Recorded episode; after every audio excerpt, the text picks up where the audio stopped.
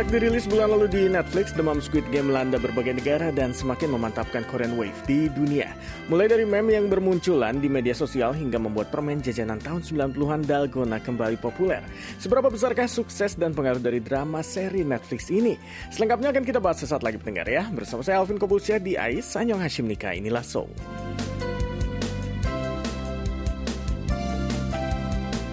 Annyeonghaseyo teman-teman pendengar KBS World Radio. Kita jumpa lagi dengan kabar-kabar terbaru dari Korea di program AIS edisi Rabu. Minggu ini itu nih dengan DJ kita yang akan membawakan program AIS di esok hari. Seperti yang sudah disebut di intro barusan ya Kita langsung saja yuk bahas topik pertama kita hari ini Yaitu tentang drama Netflix Squid Game Sejak dirilis tanggal 17 September lalu, seri drama Korea bergenre thriller Squid Game bukan hanya saja menjadi drama nomor satu di Netflix saja, tapi juga menjadi viral di berbagai media sosial. Memang pendengar, semua ini berkat tema dan alur cerita yang sangat menarik ya, tetapi tim marketing Netflix juga patut diacungi jempol, karena mereka nggak takut pol-polan mempromosikan drama satu ini. Mulai dari galeri pop-up di stasiun Itaewon, cafe Dalgona ala Squid Game di Paris, hingga boneka Squid Game di Filipina yang menjadi postingan viral di berbagai media sosial, mulai dari Instagram, TikTok, hingga Twitter. Yang sebelumnya nggak nonton drama Squid Game pun dibikin penasaran dan akhirnya ikutan nonton. Pendengar, populernya Squid Game jadi semakin jelas saat tengah malam tanggal 5 Oktober kemarin saat aplikasi media sosial Facebook beserta afiliasinya yaitu Instagram dan WhatsApp tiba-tiba blackout dan down selama beberapa jam. Kita-kira yang tinggal di Asia Timur dan Tenggara mungkin banyak yang nggak ngeh ya kalau tiga aplikasi medsos besar ini sempat blackout karena terjadinya di jam-jam tidur kita. Tapi blackout medsos ini sempat membuat panik para netizen di negara-negara hemisfer bagian barat sana, di mana para netizen yang panik karena media komunikasi mereka mereka terputus. Dan akhirnya mereka beralih ke aplikasi Twitter yang tidak mengalami blackout. Dan namanya Twitter, rumah dari berbagai meme, blackout ini pun menciptakan berbagai meme viral dan beberapa di antaranya berkaitan dengan Squid Game. Dan ini spoiler alert buat yang belum nonton ya. Beberapa permainan tradisional Korea emang menjadi highlight di drama ini. Di antaranya permainan Mugung Hwa di mana para pemain harus berhasil masuk ke daerah aman tanpa ketahuan oleh sang penjaga. Dan kalau ketahuan bergerak, maka pemain itu akan dikeluarkan atau dalam drama ini ditembak mati. Salah satu adegan yang paling berkesan adalah saat sang tokoh utama Ki-hun tersandung dan hampir jatuh, tetapi diselamatkan oleh pemain lain, seorang pekerja migran bernama Ali. Adegan ini pun sempat menjadi meme viral, meme viral yang mengumpamakan Ki-hun sebagai para netizen dan Ali sebagai Twitter yang menyelamatkan para netizen. Dan satu adegan yang berkesan lainnya adalah permainan memotong dalgona. Dalgona sendiri pendengar adalah jajanan permen Korea zaman dahulu semacam gulali ya kalau di Indonesia. Gulali ini digepengkan lalu dicap dengan menggunakan berbagai cetakan. Lalu siapa yang berhasil memotong bentuk dalgona sesuai cetakan itu dengan sempurna bisa mendapatkan satu lagi dalgona dengan gratis. Dan dalam drama ini pemain yang gagal memotong dalgona akan ditembak mati. Dan dari adegan ini juga muncul meme yang viral yaitu dalgona yang dicetak membentuk logo Facebook, Instagram, WhatsApp, dan Twitter. Semua dalgona pecah, kecuali tentunya yang berbentuk Twitter. Dan pendengar, sepertinya Korea semakin lengkap ya mendominasi dunia hiburan alias entertainment. Di musik ada grup band nomor satu BTS, di dunia film ada peraih penghargaan film terbaik Oscar Parasite, dan di dunia televisi pun sekarang Korea juga punya Squid Game yang diproyeksikan bakalan menjadi seri orisinal paling populer sepanjang sejarah Netflix. Dari 83 negara di mana layanan Netflix tersedia, Squid Game menduduki peringkat satu di semua negara alias 83 negara tadi. Dan berkat kesuksesan Korea mempromosikan budayanya di luar negeri, kini para netizen global pun jadi tahu persis ya berbagai aspek budaya Korea. Beberapa waktu lalu, netizen dari berbagai negara juga berpartisipasi dalam survei pengetahuan tentang Korea. Dan saat ditanya, apakah budaya Korea yang paling populer, nomor satu pendengar adalah K-drama, nomor dua adalah kosmetik, dan nomor tiga adalah K-pop, dan nomor empat adalah hanbok.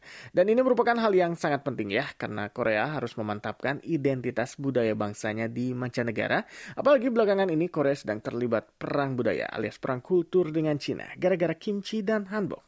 Dan kalau warga dunia mengakui budaya Korea, maka Korea pun tidak perlu takut ya budayanya diklaim oleh negara lain. Oke pendengar, sekarang kita lanjut di info selanjutnya ya Yang masih juga ada hubungannya dengan topik Squid Game barusan yaitu Dalgona. Dan berkat drama Squid Game, Dalgona kembali menjadi viral. Tadi saya sempat sebutin ya tentang cafe Dalgona bertema Squid Game di Prancis yang viral di TikTok Dan sebagai negara dalgona berasal, mungkin banyak orang ya, mungkin teman-teman juga yang mengira kalau di Korea itu dalgona bisa dengan mudah ditemukan di mana-mana. Apalagi setelah kopi dalgona menjadi viral di tahun lalu. Tapi pada kenyataannya pendengar, dalgona itu tidak umum dijumpai seperti yang kita kira. Karena dalgona adalah salah satu jajanan anak SD yang populer di tahun 90-an. Dulu, tukang dalgona itu berjualan depan pintu gerbang hampir setiap sekolah ya, tapi sekarang mereka jarang banget kelihatan. Hanya kadang-kadang saja munculnya dan mungkin beberapa minggu sekali dan itu pun jarang banget ada anak-anak yang beli. Karena sekarang tukang jualan jajanan di depan sekolah sudah digantikan dengan tenda-tenda promosi tempat les sejenis kumon ya kalau di Korea sini. Tapi Dalgona yang sudah kehilangan pamornya ini kembali terkenal lagi berkat drama Squid Game ya, seperti yang tadi kita bahas. Sejak drama ini premier di Netflix, tempat-tempat jualan Dalgona yang sekarang ini hanya bisa dijumpai di tempat-tempat tertentu jadi kebanjiran pelanggan. Dan salah satunya adalah sebuah warung dalgona di Jalan Dehang, Dehangno di pusat kota Seoul. Toko ini sudah berdiri cukup lama ya, dan pemiliknya sendiri An Yong Hee ini bersama rekan-rekan kerjanya bahkan juga tampil sebagai cameo loh di drama Squid Game adegan dalgona. Dan sejak tokonya diketahui oleh para K-netizen, tokonya pun kebanjiran order. Dan menurut An Yong Hee, sebelum Squid Game dirilis, dalam sehari paling ia hanya bisa menjual kurang dari 200 buah dalgona dalam sehari. Tapi setelah Squid Game dirilis, dalam sehari ia bisa menjual lebih dari 500 dalgona. Sampai-sampai ia tidak bisa pulang ke rumah selama seminggu gara-gara kebanjiran pelanggan. Luar biasa. Dan kebanyakan nih para pelanggannya adalah para kaum muda berusia 20-an yang penasaran seperti apa sih serunya memotong dalgona. Karena berarti kalau usia 20-an baru lahir di awal tahun 2000-an ya. Karena di masa kecil mereka tukang dalgona sudah nggak lagi berjualan di depan sekolah dan mereka hanya mendengar cerita-cerita masa sekolah orang tua dan juga kakek nenek mereka. Dan ternyata memotong dalgona itu memang sangat susah pendengar. Dan walaupun sudah jarang dijual ya, kalau kita lagi ingin, kita masih bisa mencari warung jualan dalgona di Korea. Nah, kalau di luar negeri tentunya susah kan ya. Nggak berada di Korea, tapi nih bukan menjadi halangan bagi kita untuk ikutan Dalgona Challenge atau tantangan memotong dalgona. Karena sebenarnya cara membuatnya juga cukup gampang pendengar. Hanya butuh gula pasir dan baking soda dan yang kita butuhkan hanya set pencetaknya. Dan sekarang dengan adanya online shopping, itu semua bisa kita dapatkan dengan mudah. Di situs shopping seperti Amazon, satu set panci dan cetakan dalgona ini dijual dengan harga 29 dolar ya, alias kurang lebih 30 ribuan atau 350 ribu rupiah. Beberapa kafe di luar negeri pun juga sudah ikut mempromosikan Dalgona Challenge. Padahal nih, sebenarnya Dalgona itu kan hanya jajanan simple ya pendengar ya, tetapi bisa menjadi viral gara-gara sebuah drama. Dan inilah pentingnya investasi konten pendengar. Kesuksesan Squid Game dan viralnya Dalgona itu berkat Netflix ya yang berani berinvestasi besar untuk konten-konten dari Korea. Karena sejak tahun 2016 Netflix telah berinvestasi sebesar 700 juta dolar Amerika untuk K-konten dan rencananya akan menambah investasi lagi sebesar 500 juta dolar. Dan dengan adanya budget yang cukup besar, Netflix Korea pun memiliki kebebasan untuk menciptakan berbagai drama berkualitas yang tidak saja menghadirkan alur cerita yang menarik tapi juga bisa dengan cerdik menyisipkan unsur-unsur budaya Korea yang bisa menjadi viral. Contohnya drama Squid Game yang bisa membuat Dalgona viral dan Kingdom misalnya yang membuat warga dunia semakin kenal dengan hanbok. Jadi pendengar kita tunggu ya drama apalagi nih yang akan populer selanjutnya dan challenge apalagi dari Korea yang bakalan jadi viral.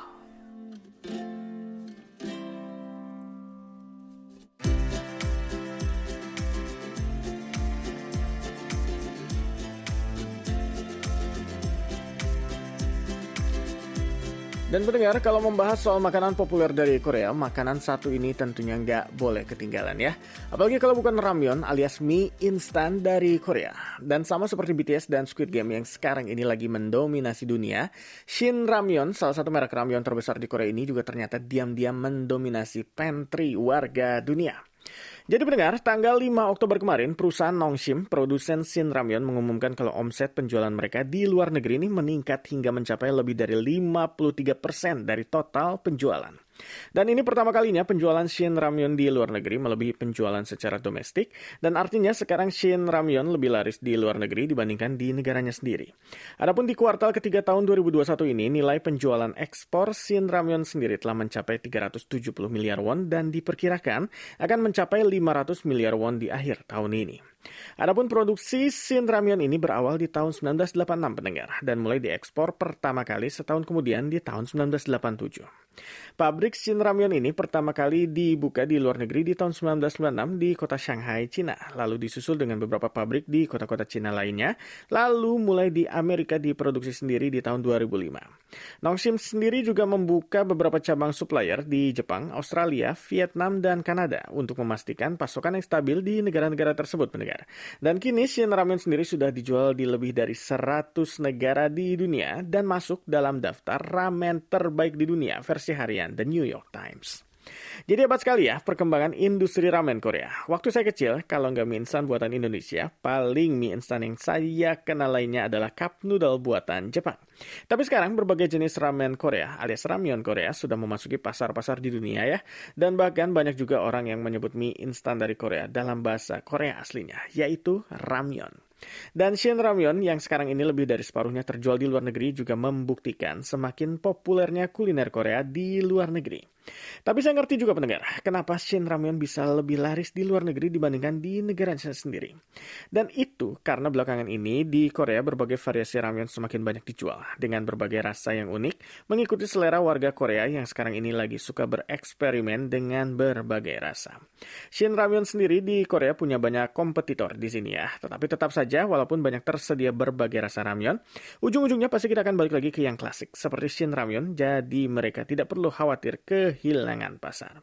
Di Korea juga bahkan, mie instan asal Indonesia juga sekarang makin mudah ditemui loh pendengar. Jadi nanti kalau ke sini jangan khawatir kalau misalnya lagi kangen mie instan dari Indonesia. Dan kalau teman-teman di rumah suka tidak nih dengan Shin Ramyeon atau teman-teman pendengar punya pilihan ramyeon favorit lainnya.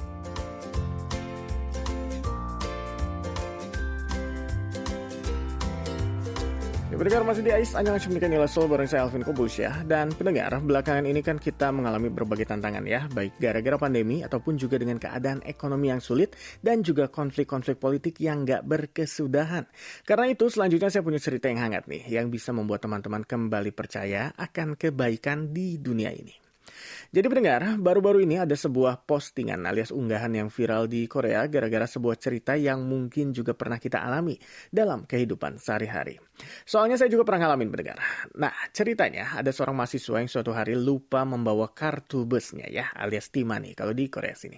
Tapi dia nggak tahu kalau kartu busnya itu ketinggalan dan baru sadar setelah naik bus dan busnya mulai berjalan. Wah, mungkin teman-teman tahu ya akan panik dan malu yang dirasakan oleh si mahasiswa itu. Makanya si mahasiswa itu meminta supaya supir busnya berhenti di uh, pemberhentian selanjutnya, tapi supir bus itu ternyata baik banget pendengar. Dia bilang sudah naik saja sampai tempat perberhentian kamu. Dan tentu saja mahasiswa itu sangat berterima kasih. Tapi ceritanya nggak berakhir sampai di situ pendengar. Karena si mahasiswa itu walaupun sangat berterima kasih, dia masih merasa ada yang kurang. Dan selain dari rasa malu yang dia rasakan saat panik tadi, dia juga merasa harga dirinya nggak akan pulih kalau dia tidak membalas kebaikan Pak Supir Bus tadi.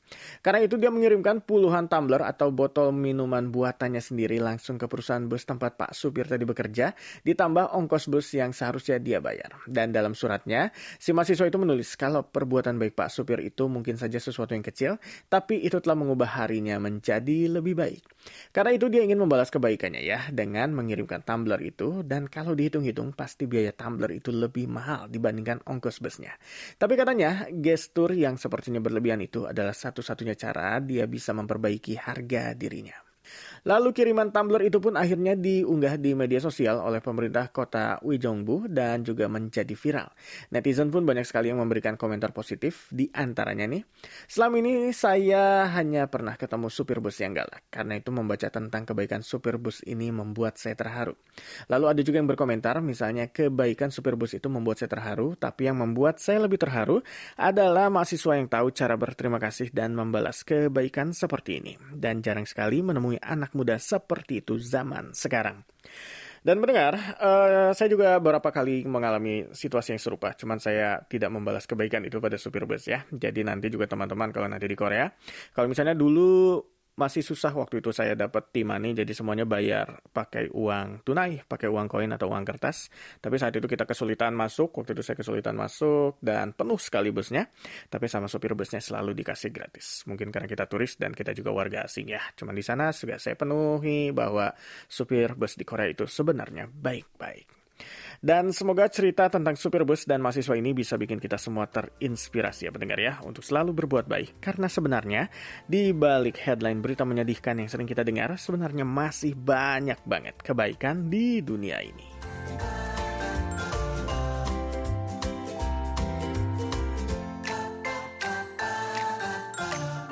Dan kita lanjut lagi tentang berita baik lainnya hari ini. Saya akan akhiri Ais hari ini dengan berita dari BTS yang lagi-lagi menduduki nomor satu Billboard dengan lagu kolaborasinya bersama Coldplay yaitu My Universe. Ini sih sebenarnya bukan kejutan lagi ya pendengar ya. Single apa pun yang dikeluarkan BTS pasti akan mencapai nomor satu di tangga lagu Billboard. Apalagi kalau singlenya kolaborasi dengan salah satu band terbesar di muka bumi. Apalagi kalau bukan Coldplay. My Universe sendiri menggeser lagu Stay dari Kid Laroi dan Justin Bieber yang sudah bertengger di posisi satu selama selama berminggu-minggu.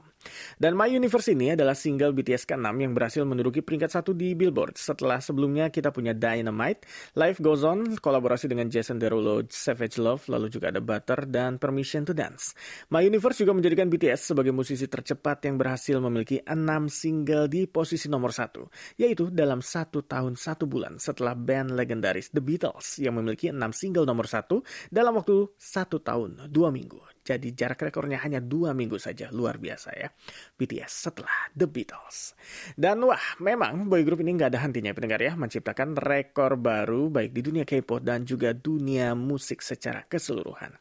Dan saya mengucapkan selamat untuk BTS dan juga Coldplay. Tentunya video klipnya juga keren banget ya pendengar ya. Buat yang belum nonton, segera nonton. Temanya science fiction dan pasti budgetnya juga mahal banget. Karena keren banget hasil akhirnya.